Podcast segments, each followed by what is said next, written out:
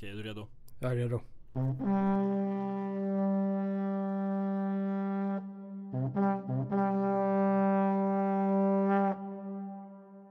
Hjärtligt välkomna till Anton och Jonas. Och välkommen Jonas. Tack så Kul- mycket. Kul så att ha dig här. Ja, det är trevligt Du har varit ett stående inslag i den här Ja. podden sen, ja från början egentligen. Ja. Hur har veckan varit? Den har varit eh, risig faktiskt. Jag är okej. okay. sjuk hela veckan. Ja, drygt. Men jag har faktiskt gjort ett sånt där eh, covid-test som jag Ja. kan eh, glädja dig med negativt. Är väl... Har du haft covid sedan tidigare? Jag vet inte. Nej. Jag har aldrig tagit något test men eh, jag, tror, jag tror jag haft det och jag hoppas att jag utvecklat någon form av antikroppar. Men i övrigt så det i dagsläget är ingenting som berör mig. Jag lever mitt liv som om vi var covidfria och ja, försöker att ha en så normal tillvaro som möjligt. Det, det är ju så här, egentligen får man kolla rent statsvetenskapligt på det, när man tar sådana här beslut så är det ju en, eh, en kris per definition när man pratar om värden som ställs mot varandra. Mm. Och här har du ett värde över, okej men ska vi stänga ner samhället och eh, vad ligger i kostnadsskålen för att göra det kontra att eh, normalisera en eh, gammal normalbild. Nu försöker vi in i en ny normalbild som den här eh, light lockdown varianten som vi har i Sverige. De har börjat använda sig i det med det språkbruket, speciellt i eh, Götaland. Där gick de ut och sa att man skulle behandla medborgarna, alla du träffar som om de var positiva. Då. Fan. Vilket, vilket är helt, helt bisarrt i min värld. Ja, i min värld också faktiskt. Ja, och det, det är där någonstans här, ja men var görs ekvationen? Alltså utifrån vad är kostnadskalkylen över att stänga ner samhället oavsett vi- vilken grad man gör det. Vi i Sverige har vi stängt ner till en ganska liten grad för vi jämför internationellt men det kommer med en enorm kostnad över, bara, över livet. Mm. Ja men verkligen. Och hur mycket ska man tolerera? Egentligen är det nästan den större kostnaden. Alltså hur mycket ska man tolerera från sina makthavare? Alltså hur mycket makt ska vi skjuta över- från oss själva som individer, som grupp, som medborgare i det här landet till Löfven? Till den Löfvenska regeringen. Jag kan säga så här att eh, under den här perioden med ne- nedstängningar runt om i världen. Mm. Det är enda gången någonsin i mitt liv jag fått höra från icke-svenskar vilken tur jag har som är svensk. Ja, men faktiskt. Det är enda Ja. gången folk hört av sig och verkligen varit, varit avundsjuka. Ja. Vi, vi hade ju vårt team, du och jag var inte närvarande, men eh, vi hade ju Robert och Viktor som var och besökte den här eh, första maj-demonstrationen som var en frihetsdemonstration eh, Mm. mot pandemilagen och eh, mot de här restriktionerna. Och eh, det är ganska intressant för den, den samlar ju en eh, skara människor som vanligtvis kanske inte brukar göra gemensam sak med varandra mot, eh, mot makten. Man får lite av de här eh, 60-tals hippie-vibbarna, Ja lite så alltså faktiskt. fighter power. 60-talet var ju en eh, en gräns, gränsöverskridande tid Ja. kan man ju säga. Vilket vi är idag också, så det kanske finns fler referenspunkter. Absolut. Det, det brukar ju sägas att ibland så brukar man ju prata lite kritiskt om så kallade Mm. politiska entreprenörer. Det vill säga folk som kan skapa opinion utifrån någon, någon enskild fråga. Man kanske skulle säga att den här Filip Sjöström som leder det hela är en politisk entreprenör i det här. Men ett, eh, ett mått på framgång är ju faktiskt att man kan eh, skapa allianser mellan olika grupper. Att, inte bara, att en fråga blir inte bara begränsad till att beröra ett litet fåtal eller en, en, en viss liten grupp utan om man kan hitta ett vad ska man säga, alliansbyggande kring en fråga så, så är det ett mått på politisk framgång. Ja, verkligen. Och det är en ganska bra brygga till, vi, vi skulle inte prata om corona eller den här demonstrationen i det här avsnittet, men för man pratar om eh, skiftningstider, brytningstider och utifrån maktens perspektiv så vill man ju gärna hålla kvar vid det man har ackumulerat, det man sitter på. Och eh, det största hotet mot eh, nuvarande ordningen kommer ju från det Sverigevänliga hållet. Det är ju det som är den faktiska oppositionen som vill förändra det här samhället eh, på ett ganska fundamentalt sätt, i alla fall när det kommer till värdefrågor över hur man betraktar vissa, vissa ämnen, speciellt då kanske till invandringspolitiken. Och eh, ett eh, led i att försöka att kväsa den här oppositionen har ju varit att man inte, först inte låter dem komma till tals, man har upprättat sina grindvakter eh, inom mediehusen och man har arbetat extremt mycket med stigmatisering för att eh, ämnena i sig inte ska diskuteras. Mm. Man har svartmålat de här människorna. Och nu tar man det här ett steg längre då eh, våra regeringspartier vill lagstifta mot eh, rasistiska organisationer. Och eh, det, det, är lite det vi ska prata om. Och det, när jag läste om det här så tyckte jag att formuleringen i sig självt, eh, jag läste det i Svenska Dagbladet, att, att det var en väldigt märkligt eh, uppbyggt. För de gör en definition av rasistiska organisationer med, eh, om det är sådana organisationer som förföljer eh, etniska grupper med brottslig metodik. Alltså de, de är ju redan brottslingar då, enligt den definitionen som de vill göra olaglig. Ja, så varför skulle man ens behöva förbjuda dem? Ja, och det är samma, samma anledning som vi införde hets mot folkgruppslagstiftningen. För det var också olagligt innan, innan vi fick den. Du, du får inte, det, det, jag, jag, vet inte exakt vilken, vilka lagar som träder i kraft för vi inte hade haft hets mot folkgrupp, eller förtal eller hot eller missaktning. Men det, alltså, de sakerna som blev olagliga med hets mot folkgrupp-lagstiftningen var redan olagliga innan. Sen så är det ju en enorm gummiparagraf som gör det lättare att eh, komma åt sådana här åsiktsströmningar. Mm. Jag bara fick en tanke där när du, när du sa det. Att, ja. Tänk att man hade formulerat det lite annorlunda. Att man, man tar inte förföljer etniska grupper med brottslig metodik utan politiska grupper med ja. brottslig metodik. Då känner jag att Expo hade rykt ganska snabbt faktiskt. Ja, det, det, är ganska intressant för det var tre partier som motsatte sig det här. Mm. Och det var Vänsterpartiet, var Liberalerna och var Sverigedemokraterna. Sverigedemokraterna är uppenbart med tanke på, inte för att Sverigedemokraterna på något som helst sätt eh, stödjer rasistiska organisationer utifrån hur de betraktar det begreppet. Men nu är det inte Sverigedemokraterna som är vid makten utan det är socialliberaler, det är Socialdemokraterna och Miljöpartiet. Och då är det ju hur de betraktar det begreppet. Mm. Och eh, vad har de sagt sedan dag ett? Ja, men det är att Sverigedemokraterna är en rasistisk organisation. Och här lägger de fram ett förslag eller vill framtvinga ett, eh, en lagförändring till att göra rasistiska organisationer olagliga. Och det kanske inte kommer att vara Sverigedemokraterna i första led som ryker på det.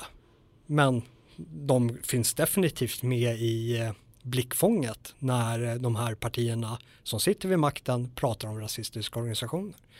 Och då ska man som svensk eh, medborgare som kanske har en tilltro till systemet, svenskar är ju extrema i, eh, i det här området att lita på våra myndigheter. Vi är väldigt auktoritetstrogna och vi, vi litar mer på inte, inte på argumentationen som framförs där man kan gå in och dissekera över vad som faktiskt sägs utan det handlar mer om vem det är som säger det för att vi ska tro på det eller inte.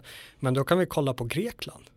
Ett av deras största oppositionspartier, Gyllene gryning, förklarades ju som en rasistisk organisation, som en kriminell organisation på grund av att de var rasister och sen upplöstes de med eh, stöd av våldsmonopolet och sen låste in ledningen. Mm. Och det här är ett första stapplande steg för att göra samma sak med eh, Sverigedemokraterna i förlängningen. Beroende på hur saker och ting utvecklar sig såklart. Och just det, det var ju det du sa att, ja, men, att Expo skulle kanske halka in på det här också. Och det är ju anledningen varför Vänsterpartiet motsätter sig det här lagförslaget. Eller det som kommer komma upp som ett lagförslag. Och det är ju troligtvis att den våldsbejakande vänstern är ju extrem i Sverige. Den är utbredd och den eh, dominerar eh, eh, gatuvåldet när det kommer till de här sakerna. Det är inte rasistiska organisationer som utgör ett hot mot eh, var och en eller mot eh, eh institutioner eller företag eller organisationer utan det är hot från vänstern. Och vad är det som kommer komma då i jämnvikt när de här socialliberalerna, Socialdemokraterna och Miljöpartiet lyfter upp det här ja, och för, för, att få med sig Moderaterna och KD, ja, då kanske man kollar på andra sidan av spektrumet också och kollar på de här antirasistiska rörelserna. Ja, då är det ju de som kommer ryka i nästa led. Eh, Vänsterpartiets eh, eh, stödtrupper i de här olika fristående vänsterorganisationerna som alla röstar rött. Ja, alltså det där är ju en diskussion som har pågått eh, under, under alla år egentligen som eh, Nya Tider och tidigare Nationell Idag har haft pressstöd så har man ju haft diskussionen ifall de verkligen ska få ha det. Mm.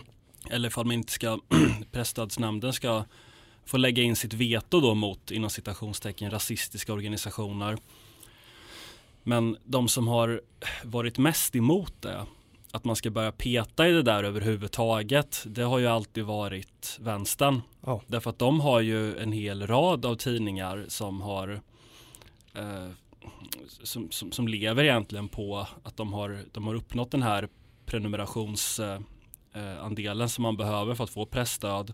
Och sen startar man upp en massa liknande tidningar som, som uppnår det här och sen ja, så, så blir man rik på pressstödsmiljonerna. Ja. Och där, där, finns ju ett väldigt tydligt incitament att man vill inte börja peta i det här därför att de visst det börjar med nya tider och det har väl inte de något problem att nya tider blir av med sitt pressstöd. Men sen kan man ju ana att de föreställer sig att det finns en, eh, ett sluttande plan där. Att om man väl börjar peta, vad, vad blir nästa steg?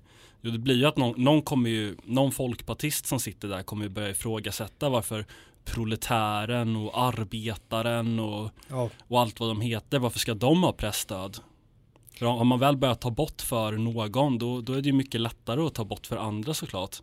Det är ju den vägen eh, vi har börjat vandra och eh, den Löfvenska regeringen som eh, propsar på de här förslagen för att förbjuda vad de menar på är rasistiska organisationer vi vill ju inskränka på hur, nu är jag motståndare mot mediestödet mediastödet i överlag, jag anser inte att det ska subventioneras, jag anser att det slår eh, skevt på marknaden och på vad de själva säger, sig att det ska vilja göra. Det, det klingar väldigt falskt när till exempel SVT, nu uppbär de inte de mediestöd på det sättet men de uppbär ju skattemedel så det är ju i första led som, som de får. Men att de i ingressen på sin egen beskrivelse beskriver sig som en oberoende eh, nyhet, alltså att de bär skattemedel för att säkerställa det oberoende nyhetsflödet. Och att vara subventionerad av den part som du är satt att granska skapar en ganska ohelig symbios i det avseendet. Så jag, så jag är en stark motståndare till, till eh, all form av mediestöd eller subventionerat stöd från, från makten eh, som, som eh, de här medierna är satta att granska egentligen. Jag tycker man ska utnyttja det. Så, så länge det finns så ska man utnyttja det. Oh. Och, det, eh, det, tycker jag verkligen. Eh, jag, jag håller inte med riktigt fullt ut. Men det, det åt sidan är att Men det finns vägar Jonas och de använder utan problem. det, så är det. Fast de är skattesubventionerade. Ja, du får ta den här diskussionen på Radio Bubbla eller de andra libertarianerna. Eh, nu tappade jag tråden lite men eh, ja just det, ja. så nu är det ju många aktörer som har börjat eh, nyttja mediestödet på högersidan. Och eh, vi liksom tar marknadsandelar för man ska betrakta hela spektrumet utifrån det perspektivet. Och vi börjar liksom flåsa makten i, i nacken lite och de känner sig hotade. Och det är därför de tar till de här drakoniska åtgärderna med hjälp av lagstiftning.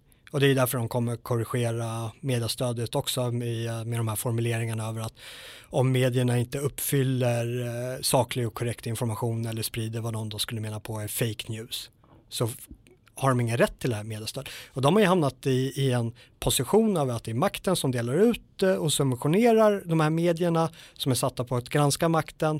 Men nu ger makten sig själva ett frikort över att eh, ta bort de här ekonomiska medlen om eh, de sprider vad makten menar är desinformation. Och eh, vad är desinformation för någon som sitter i makten? Jo men det är allt vad en oppositionell eh, medieaktör säger. Mm. Ja det, har blivit så efter Trump. Ja och då blir det att ja. ja men alla de här uh, med, medieaktörerna som befinner sig i den Sverigevänliga sfären kommer ju att få ryka, ja men i motvikt så kommer ju de här uh, kommunisterna också att få ryka. Så det, det, de, de gör ju den avvägningen, om det är bättre att rensa brädet och bli av med vi, vi, behöver, de här små avarter till vänstertidningar gör ingen nytta vare sig till eller från för att Socialdemokraterna ska få sitta kvar vid makten eller inte. Men däremot de här Sverigevänliga aktörerna kommer att hota det. Och då är det bättre att, ja men, som, som de gamla korsriddarna sa, låt uh, Gud sortera dem. Alltså man bara rensar bordet och tar bort dem. Ja, jag kan tänka mig det faktiskt att, att när allt kommer omkring så de här små vänstertidningarna alltså som verkligen står upp för någon gammal variant av kommunism, de är så passé. Oh. Att det, det, spelar ingen roll om de är kvar eller inte. Det är nostalgi de, de, för de här vänsterstofilerna att ha kvar dem. Det, det, det, är något, väldigt, an, det är något ja. väldigt antikvariskt över det. det. det. finns ju vissa som, som verkar vara lite, alltså, lite begeistrade av den här gamla vänstern. Jag, jag tillhör absolut inte dem utan jag tycker, tycker verkligen inte om den här gamla vänstern. Och, och som jag ser det, det här med Alltså att, ha, att stå upp för någon gammal variant av kommunism idag, det, det är liksom väldigt, väldigt antikvariskt. Det, det, känns som gamla män som, som putsar sin ungdoms eh, pokaler liksom. Ja. tycker jag lite faktiskt och så kanske då en lite yngre generation som vill vill hitta tillbaka till något lite mer fast, lite mer fast förankrad vänstertradition. Som tycker att det, det som finns idag är lite för liksom slaskigt och akademiskt och, och konturlöst och inte står upp för de här gamla arbetarfrågorna. Men, men jag kan tänka mig att de här gamla vänstertidningarna det, det, är, det är bondeoffer man, man gärna tar och man, man kan liksom ta det andra lagets eh, ton eller, eller drottning eller vad man, nu, vad man nu har sikte på. Ja, det är, det är en intressant aspekt också som du lite att toucha på. Det är just det här glorifierandet över ens egna förflutna mm. och hur stor vikt eh, de spelade roll. Och, eh, vi har väl pratat om det lite i tidigare avsnitt också, att eh, många av de här vänsteravarterna var nog eh, snarare den här vänsterreformistiska rörelsen som var dominerande i Sverige, de till last snarare. På samma sätt som man kanske kan säga att eh, ja, men svenska motståndsrörelsen är Sverigedemokraterna till last. Mm. Det, det, är nog en ganska bra fråga faktiskt. Jag kan ju avslöja att jag, jag, jag, ju, jag släppte ju en bok för ett par år sedan med metisk krigföring. Ja. Och nu har jag skrivit en till bok som är klar som heter Konsten att bli styrd och andra essäer som jag håller på och ska ge ut nu i, i dagarna.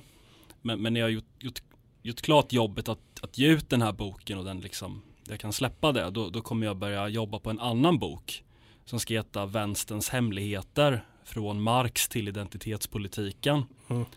Och då, då kommer jag med ett ganska långt kapitel om den nya vänstern eller 60-talsvänstern som ju inte är en ny vänster längre. Det är ju en jättegammal vänster egentligen med tanke på hur snabbt saker och ting åldras inom politiken. Men jag tycker det är intressant när man, man överväger det här hur, hur man ska titta på eh, vänstervågen på 60-talet. Hur man ska betrakta alla de här, de här små organisationerna och alla tidningar och allt det som fanns. Att ska, man, ska man liksom titta på dem som någon sorts ideologisk belastning för, för sossarna till exempel eller ska man titta på dem som någon sorts inspirationskälla och energikälla för liksom ideologisk radikalism och eh, tankeutbyte det, det, är en enorm frustration där. Ta, ta Olof Palme till exempel som beskriver sig själv som eh, reformist. Slutmålet är ju detsamma för alla oavsett om de är vänsterrevolutionärer eller vänsterreformister utan det är ju metodiken för att ta sig fram dit. Och man lägger att ja, men, människan fungerar på det här sättet, vi måste gå den här vägen och då sker det med eh, lite eh, försiktighet och med lite taktkänsla. Och så har eh, en del rent ut sagt blådårar som bara vill rusa fram och eh, hissa röda fanan på riksdagshuset. Det, det, är så här, även fast man kanske i slutändan vill samma sak så måste det vara enormt frustrerande att ha med de där människorna att göra. Det, det kan jag också tänka mig. Det fanns ju en del väldigt, väldigt kufiska rörelser på 60-talsvänstern. Mm. Jag tror folk glömmer bort det. Särskilt många på högerkanten för de, de är så det är många som är väldigt inriktade på att 60-talsvänstern var så framgångsrik, att den vann så mycket och så vidare. Men, men någonting som, en slutsats som jag har dragit är ju att det är verkligen en sanning med modifikation. Jag, jag tror inte att de som var med skulle beskriva sig själva som framgångsrika faktiskt. Och jag menar de flesta av de här små vänstergrupperingarna som det fanns många av som var maoister och stalinister och, och allt möjligt och, alltså till sist folk som kanske liksom tyckte att Sovjetunionen och Mao var förrädare och bara, bara fann någon sorts ideologisk hamn i Enver Hoxhas Albanien till slut som någon mm. sorts sista, sista utpost för den rätta läran. Jag menar, de skulle inte beskriva sig själva som så framgångsrika. Och, och, de flesta, och många av de här grupperna de, de försvann ju, de åt ju upp sig själva för att de, de var ju så oerhört radikala och så, så liksom oerhört kompromisslösa det, det gick ju inte att hålla samman någonting. De, de splittrades ju, de åt, åt sig upp av sina egna liksom, högflygna, högflugna radikala ideologiska förväntningar. Det var väl en del ganska tunga aktörer också som gjorde en eh, liten åsiktsresa. Eh, det, det där, där jag har i åtanke Svante Nordin som jag återkommit lite till också. Det finns ju ett gäng sådana. Ja. Eh, Svante Nordin, Lennart Berntsson, Håkan Eh, jag glömmer alltid bort vad han heter i efternamn, Håkan Arvidsson. Mm. Som, alla de har ju skrivit väldigt intressanta böcker och redogörelser. Håkan, Håkan Arvidsson har ju skrivit en bok som heter Vi som visste allt. Som en väldigt, väldigt bra, rak, ärlig, intellektuell eh, berättelse om hans egen eh, vänsterresa under, under det radikala 60-talet. När jag först kom i kontakt med Svante Nordin, för det är han som jag känner till bäst utav dem där. Det är för att jag tjatar om honom hela tiden. Nej, det, det var faktiskt eh, före, före din tid. Det var på, från Försvarshögskolan. Jag läste en eh, sidokurs vid, eh, vid sidan om statsvetenskapen inom militärhistorien. Och så gjorde vi en djupdykning i första världskriget och så var en av kurslitteraturen då Svante Nordins bok Filosofernas krig. Eh, den var, den var faktiskt väldigt bra men eh, så skrev jag en recension om den och i den recensionen skrev jag en passus att jag uppfattar Svante Nordin som lätt vänstervriden. Nu, kom, nu kommer jag inte på det konkreta exemplet som jag hade men det, det var i samband med eh, att han lyfte upp eh, någon, eh, någon fransk tänkare eh, och eh, han vävde in det i vissa ordalag och han gjorde andra ordalag mot de tyska tänkarna inför, inför det här kriget. Då. Eh, och eh, då, då, blev jag varse sen att uh, han hade gjort den här resan för jag hamnade i dialog med min professor när jag valde att formulera mig på det sättet. Men det kanske avslöjar mig, mig själv som mer högervriden så att jag ändå uppfattar den som har eh, gjort en högerresa som fortsatt vänster. Ja, kanske. Jag, jag, tror inte att han skulle säga att det är vänster faktiskt utan ja. jag tror att han skulle säga jag, jag har läst den boken men, men nu, nu vet jag inte vad det är för formulering du tänker på.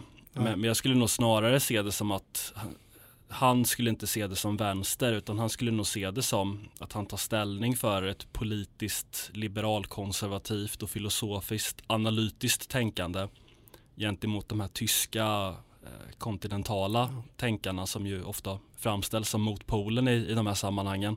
Det var ju länge sedan vi gjorde en bokrecension i den här podden. Jag kanske ska ta och fräscha upp minnet på filosofernas krig och eh, prata igenom den. Absolut, det vore, tänkbart. Ja. Eh, men ja, jag vet inte hur vi bryggar tillbaka till vad vi faktiskt pratar om, vilket är rasistiska organisationer. Eh, ja, alltså jag skulle vilja säga någonting i alla ja. fall om eh, en, en rekyl från 60-talet. Det, det, är ju just den här den här, identitet, den här politiska och nästan existentiella identiteten som, som dröjer sig kvar i i form av den här civilisationskritiken mot, mot Europa och det här postkoloniala arvet. Mot att det, man tycker att det är så oerhört viktigt då hur, hur illa vi har behandlat all världens eh, folk runt om i världen och det dröjer sig liksom kvar en identitet som en identitet att det är en sorts enorm spänning mellan, mellan oss och, och tredje världen då. Och det, allt det där har ju fått konsekvenser för hur rasistbegreppet tolkas och, eh, och lever kvar i den allmänna debatten, hur det har använts. Vilket ju får högst påtagliga reella konsekvenser här när det ska bli mer konkret lagstiftning och faktiskt avgöra vilka organisationer som får finnas eller inte. Men alla som varit med i de här debatterna och liksom varit med i det här ett tag vet ju att rasist är ju någonting väldigt, väldigt konturlöst. Det, det, är ju inte som att det bara åsyftar en person som, som verkligen liksom ogillar andra människor bara för att de är av en annan härkomst utan oftast så, så försöker du ringa in en person som, eh, som är emot invandringspolitiken som den ser ut vid ett visst tillfälle. Det, det är ju ett, ett, ett, ett, begrepp för att ringa in en, en politisk fiende egentligen och för att nedgöra den här fienden intellektuellt och moraliskt. Så att den liksom ska, ja, men ska, ska tappa kraft helt enkelt, ska bli förringad, ska, ska nästan förintas egentligen. Det, det är en poäng som många av eh, våra konservativa opinionsbildare har gjort eh, när de försöker säga lustiga över eh, svensk socialdemokrati över att ja, men rasist är du när du inte fångar det fönstret som just nu Socialdemokraterna befinner sig inom. Och ett exempel, nu kommer jag inte ihåg eh, vilk, vem det var som skrev om det, kanske var i Alice Teodorescu eller någon, någon inom den sfären i alla fall, jag tror inte det var hon som skrev om det.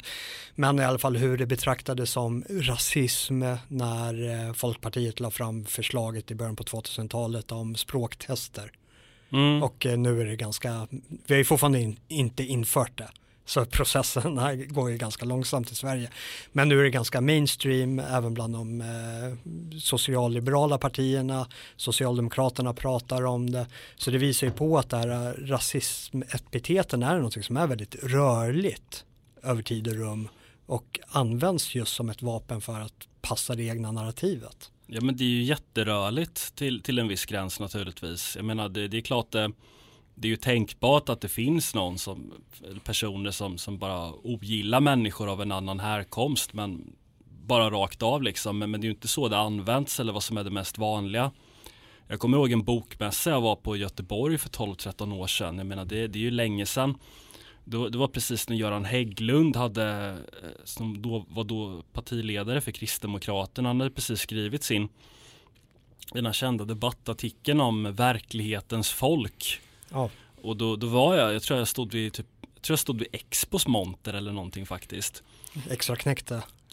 Nej, ja, jag stod och lyssnade och då var det ju någon, någon boomergubbe som gick upp där och höll en lång, eh, lång tirad om hur hur Hägglund fiskade i grumliga vatten ja. och det var bruna kopplingar och sånt där. Och sen, sen gick jag faktiskt upp, jag tror jag fick micken av, av Daniel Pohl som stod där och var moderator. Ja. Om jag vill minnas rätt. Och jag, jag, sa någonting mot det där, jag kommer inte ihåg vad, jag var ganska nervös, jag tror inte det var jätteskarpt formulerat men det, det, det säger någonting om hur, vilken tänjbarhet eh, allt det där har. Att om, om någon som, som Hägglund pratar om, om verklighetens folk då, då är det liksom att fiska i grumliga vatten och det är bruna kopplingar och sånt där. Om, om, om någon säger att ja, men jag, jag tycker vi borde ha reglerad invandring till Sverige och vi, vi ska liksom följa upp de som kommer hit, att de lär sig språket och kan ta till sig vissa normer. I, i många kretsar Kanske inte idag lika mycket men definitivt för, för 10-12 år sedan så var ju det här en oerhört kontroversiell åsikt. Idag kanske det där har förändrats lite i takt med att opinionen har skiftat. Men det, det blir ju, det, bara det säger ju någonting om hur, hur dåligt det kommer bli att eh, liksom kriminalisera organisationer utifrån att de skulle vara rasistiska. Eh, liksom, då skulle man förbjudit Folkpartiet under Eh, under Lars Leijonborg då när de krävde språktester och hårdare krav i två, tre, under två, tre val. Skulle det blivit en rasistisk organisation då eller? Stalin hade inte tvekat ett ögonblick på att förbjuda Folkpartiet. Eh, men det, det, är, det är ju en enorm känslomässig utpressning som eh, de ägnar sig åt. Eh, dels det du är inne på är att de eh, diskrediterar oppositionen och gör dem omöjliga i allmänhetens ögon och att ingen ska våga prata mer om, man ska definitivt inte prata om sakfrågorna. Och den här enorma känslomässiga utpressningen kommer ju när Löfven med Miljöpartiet lyfter fram de här förintelseöverlevarna. Det var ju, det var ju någon eh, någon äldre kvinna som eh, hade suttit i något av de här tyska koncentrationslägren. Som, ja, vad är det? Heidi någonting va? Ja, jag, jag, jag vet inte vad hon heter. Eh, som hade träffat eh, Ulf Kristersson för några år sedan och eh, hon menar på att Ulf Kristersson hade lovat henne att aldrig samarbeta med Sverigedemokraterna. För vad hände då? Liksom, det, det ligger i undertonen. Ja, men då hände förintelsen.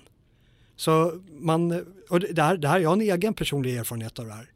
Det när jag började prata om eh, den problematiken jag upplevde med invandrare när jag gick i högstadiet, eh, 98, 99 där någonstans, eh, så, så, upplevde jag en klanstruktur som säkert många svenska ungdomar känner igen sig i att ja, men hamnar du i konflikt med en svensk, ja, då löser man det på sättet som vi upplever som normativt för svenskar att lösa problem.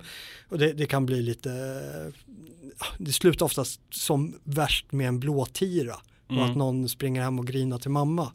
Och sen är det färdigt och man ber om ursäkt och så går man vidare med sina liv därefter.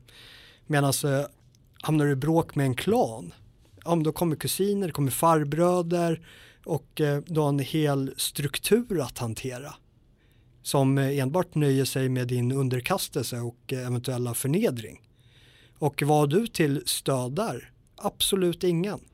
Du har ingen, vi har inte samma släktstrukturer i Sverige, vi har inte de normerna, vi har inte det samhällssystemet som är uppbyggt för att hantera klaner och de strukturerna som kommer kring det. Och vänder du dig då som tonåring till vuxenvärlden, ja vad får du höra? Ja, du lyfter och dryftar ett problem till vuxenvärlden och du får höra att du är problemet. På grund av vad? Ja, på grund av förintelsen. Nu, nu blev inte jag ivägskickad till Polen och Tyskland för att besöka de här lägren för att jag pratade om de här problemen. Men det finns gott om exempel med svenska ungdomar som har haft samma historik som mig, som har upplevt samma problem som mig med de här invandrarklanerna. Och när de har lyft upp de problemen, ja vad har de fått då? Jo, de har fått en flygresa till Auschwitz. Det är helt bisarrt. De använder en av världshistoriens mest hemska händelser över hur det uppfattas av vårt etablissemang och de använder det som ett slagträ mot våra ungdomar som vågar prata om de här problemen. Och sen försöker de ta upp det till eh, politiken också. Ingenting annat än eh, vuxenmobbning och eh, känslomässig utpressning mot eh, en opposition. Det är vedervärdigt. Ja, det är inte, det är inte heller rationellt. Nej. Det, det är ju det man måste förstå någonstans. Och det, det är ju det som blir så märkligt när eh, till exempel Ulf Kristersson då har suttit ner med den här kvinnan och så ska, har han lovat henne att han inte ska samarbeta med Sverigedemokraterna. Och det, det där, bara stanna där. Sverigedemokraterna säger uttryckligen, vi vill anpassa de, eh, den svenska invandringspolitiken till våra nordiska grannländer, Danmark och Norge. Och för det så blir, lyfter våra regeringspartier upp förintelseöverlevare för att slå mot Sverigedemokraterna. Och kallar Sverigedemokraterna indirekt och direkt för nazister. För att de vill anpassa vår politik efter Danmark och Norge. Som faktiskt slogs mot nazisterna. Vilket Sverige inte gjorde. Nej, men, men alldeles oavsett så, jag menar ett, ett land måste ju rimligtvis kunna få bestämma över sin egen migration. Och sen ja. nu när vi jag menar, nu har vi haft den här politiken under ganska lång tid. Det, det, det är ganska lätt numera att utvärdera konsekvenserna socialt, ekonomiskt, kulturellt, demografiskt ja. och så vidare. Och att inte kunna komma med någon rationell kritik mot det här utan att liksom få dragande så att ja, men här har vi en förintelseöverlevare som var med om de här hemska sakerna. Ja, det, det... Som, som dessutom med största sannolikhet är sionist. Och tar du exakt samma begreppsapparat som, man, eh, som de lägger in i sionismen. Det, det är ju etnonationalister för eh, Israel och judarna. Och eh, byter ut, behåller den ekvationen och byter ut eh, aktörerna i den. Ja men då får du någonting som är enligt deras eget perspektiv långt mycket värre än vad Sverigedemokraterna är.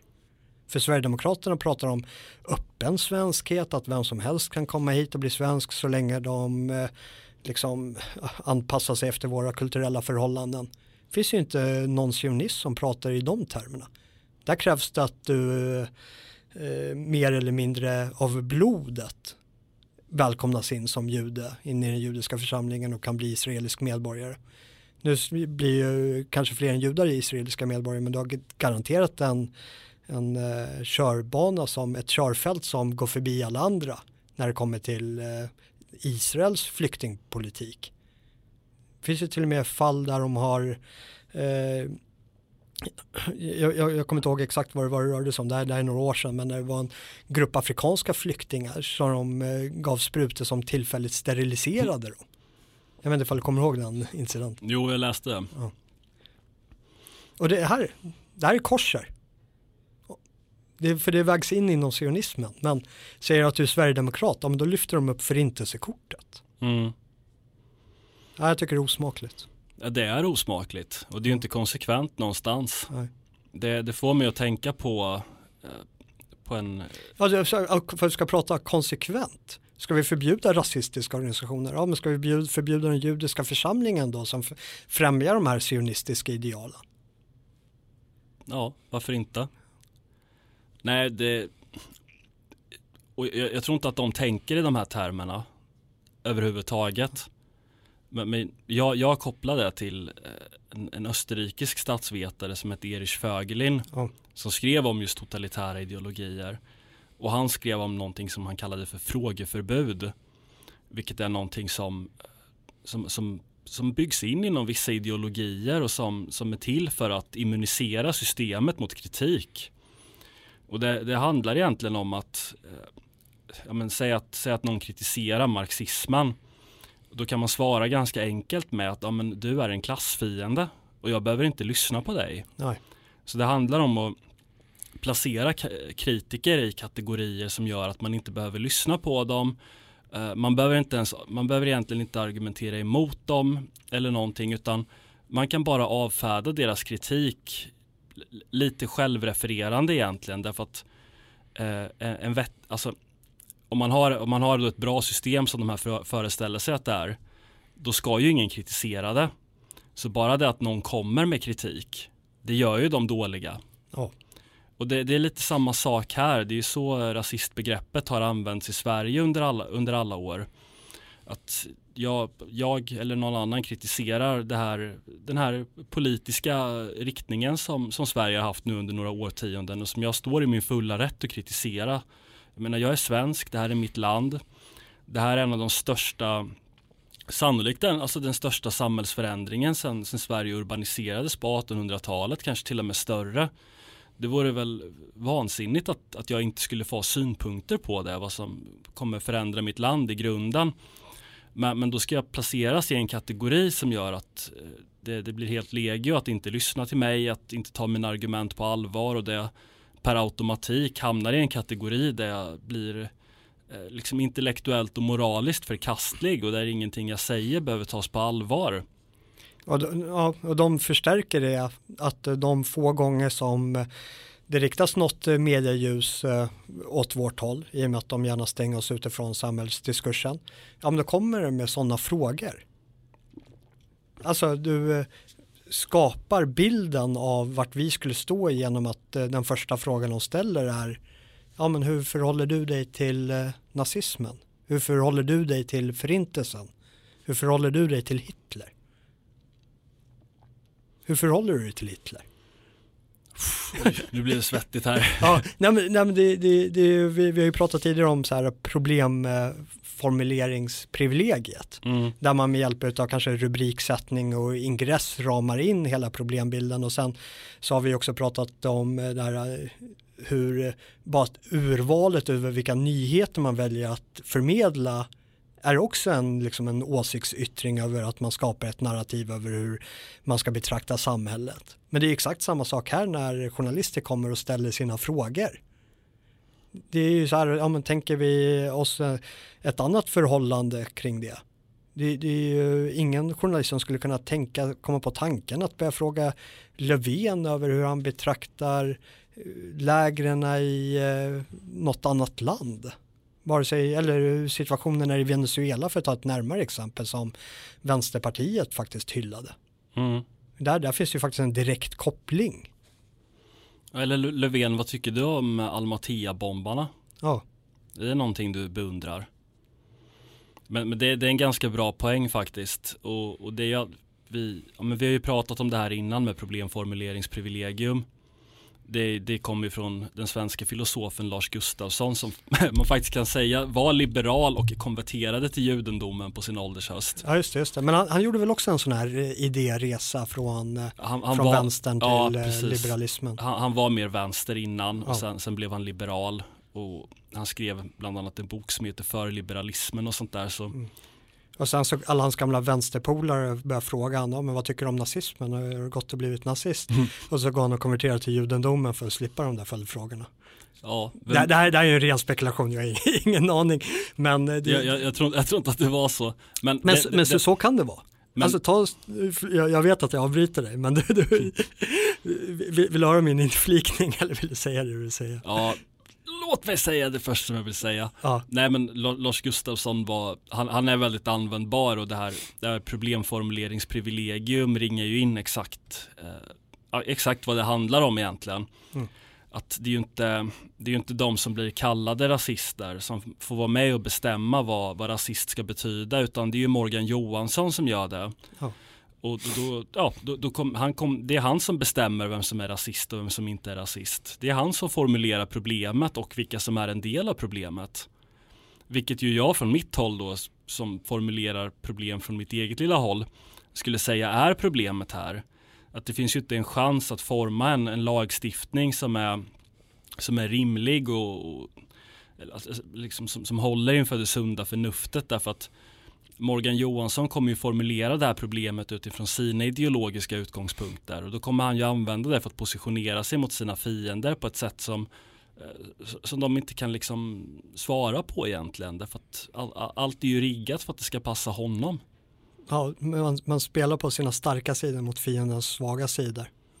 Bara man inte slåss. Vet redan vem som vinner. Och jag, jag skämtade ju kring det där som mm. fenomen. Men jag tror att det förhåller sig så på organisationsnivå. Ta Sverigedemokraterna till exempel. De har blivit eh, svartmålade de senaste 30 åren för vad folk menar på är deras eh, mörka historia och att deras politik leder till eh, förintelsen, för man nu ska hårdra det. Jag tror att det är knappt någon som säger det med rakt ansikte och menar det. Men det ligger där latent i deras anklagelser. Ja, men vilket parti i Sveriges riksdag är det som är mest sionistvänliga, som är mest Israelvänliga? Jag, jag tror att det står någonstans mellan Sverigedemokraterna och Kristdemokraterna. Ja, Folkpartiet också kanske. Ja, tveksamt fall de eh, vinner över SD. Och anledningen varför SD har positionerat sig på det sättet det är ju för att eh, hela etablissemanget har puttat dem i en eh, riktning som eh, handlar om mer om brunsmetningen och prata om sakpolitiken. Och eh, ett sätt för SD att hantera det, det är att ja, men, gömma sig bakom sionismen. Mm. Ja, det, det var... Man gör det lätt för sig på samma sätt som att eh, man mobbar en eh, vit eh, tjej eller vit kille som lyfter vissa problem och målar upp den här personen som rasist. Ja men till slut så kanske den personen orienterar sig mot att faktiskt skaffa sig en partner som kommer från en annan härkomst än sin egen för att eh, bedyra för sin omgivning, nej men jag är inte rasist. Kolla här på min flickvän eller pojkvän som kommer från Afrikat eller någon annanstans. Så det, det kommer med hemska följdverkningar. Yes, det var det nog så det började men, men nu lever det nog sitt eget liv skulle jag tro. Oh. Det, det är min bedömning.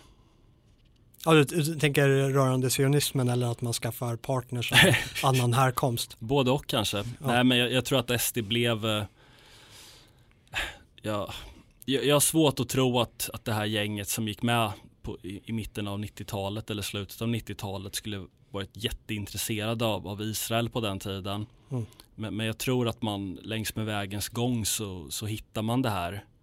Och det var väl också när den här moderatpolitiken eh, vad hette han, Sten Andersson tror jag. Ja, det var, var deras första tunga etablissemangsrekryteringen. Han var ju väldigt Israelvänlig mm. och, och, jag tror att man lite ville tillfredsställa honom också faktiskt. Att eh, han hade den inriktningen och då var det ganska lätt att liksom, ja, haka på det där.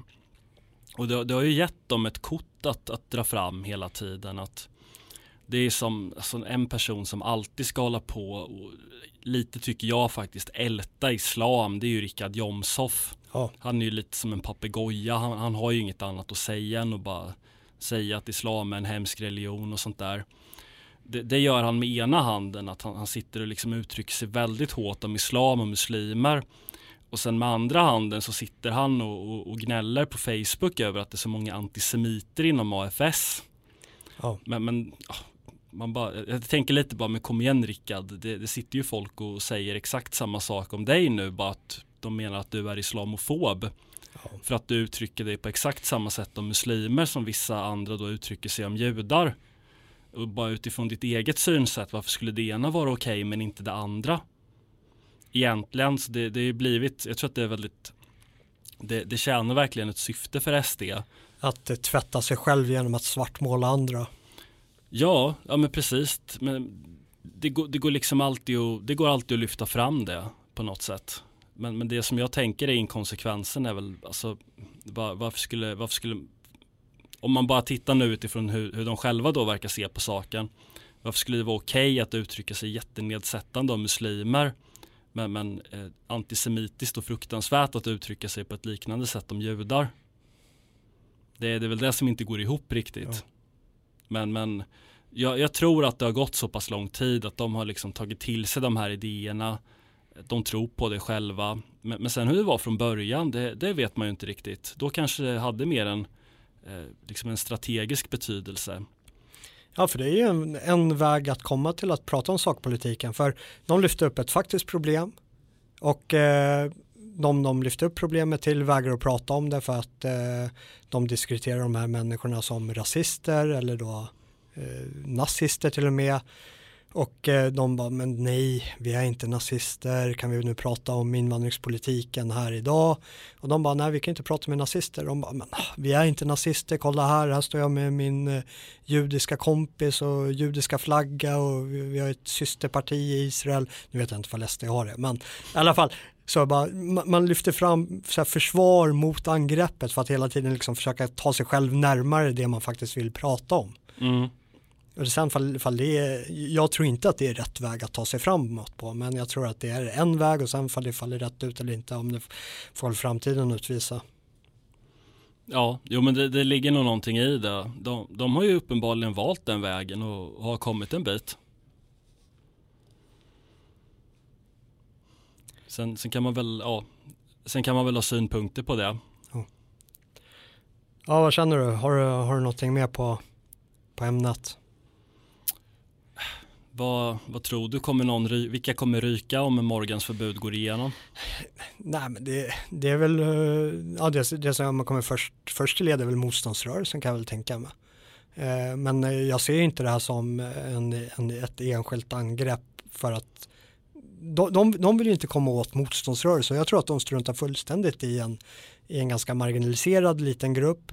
Eh, utan det, det, är ett brett angrepp. De vill komma åt eh, alla alternativmediekanaler. Först och främst med hjälp av att strypa det här mediastödet som de inte alls hade räknat med att de skulle få.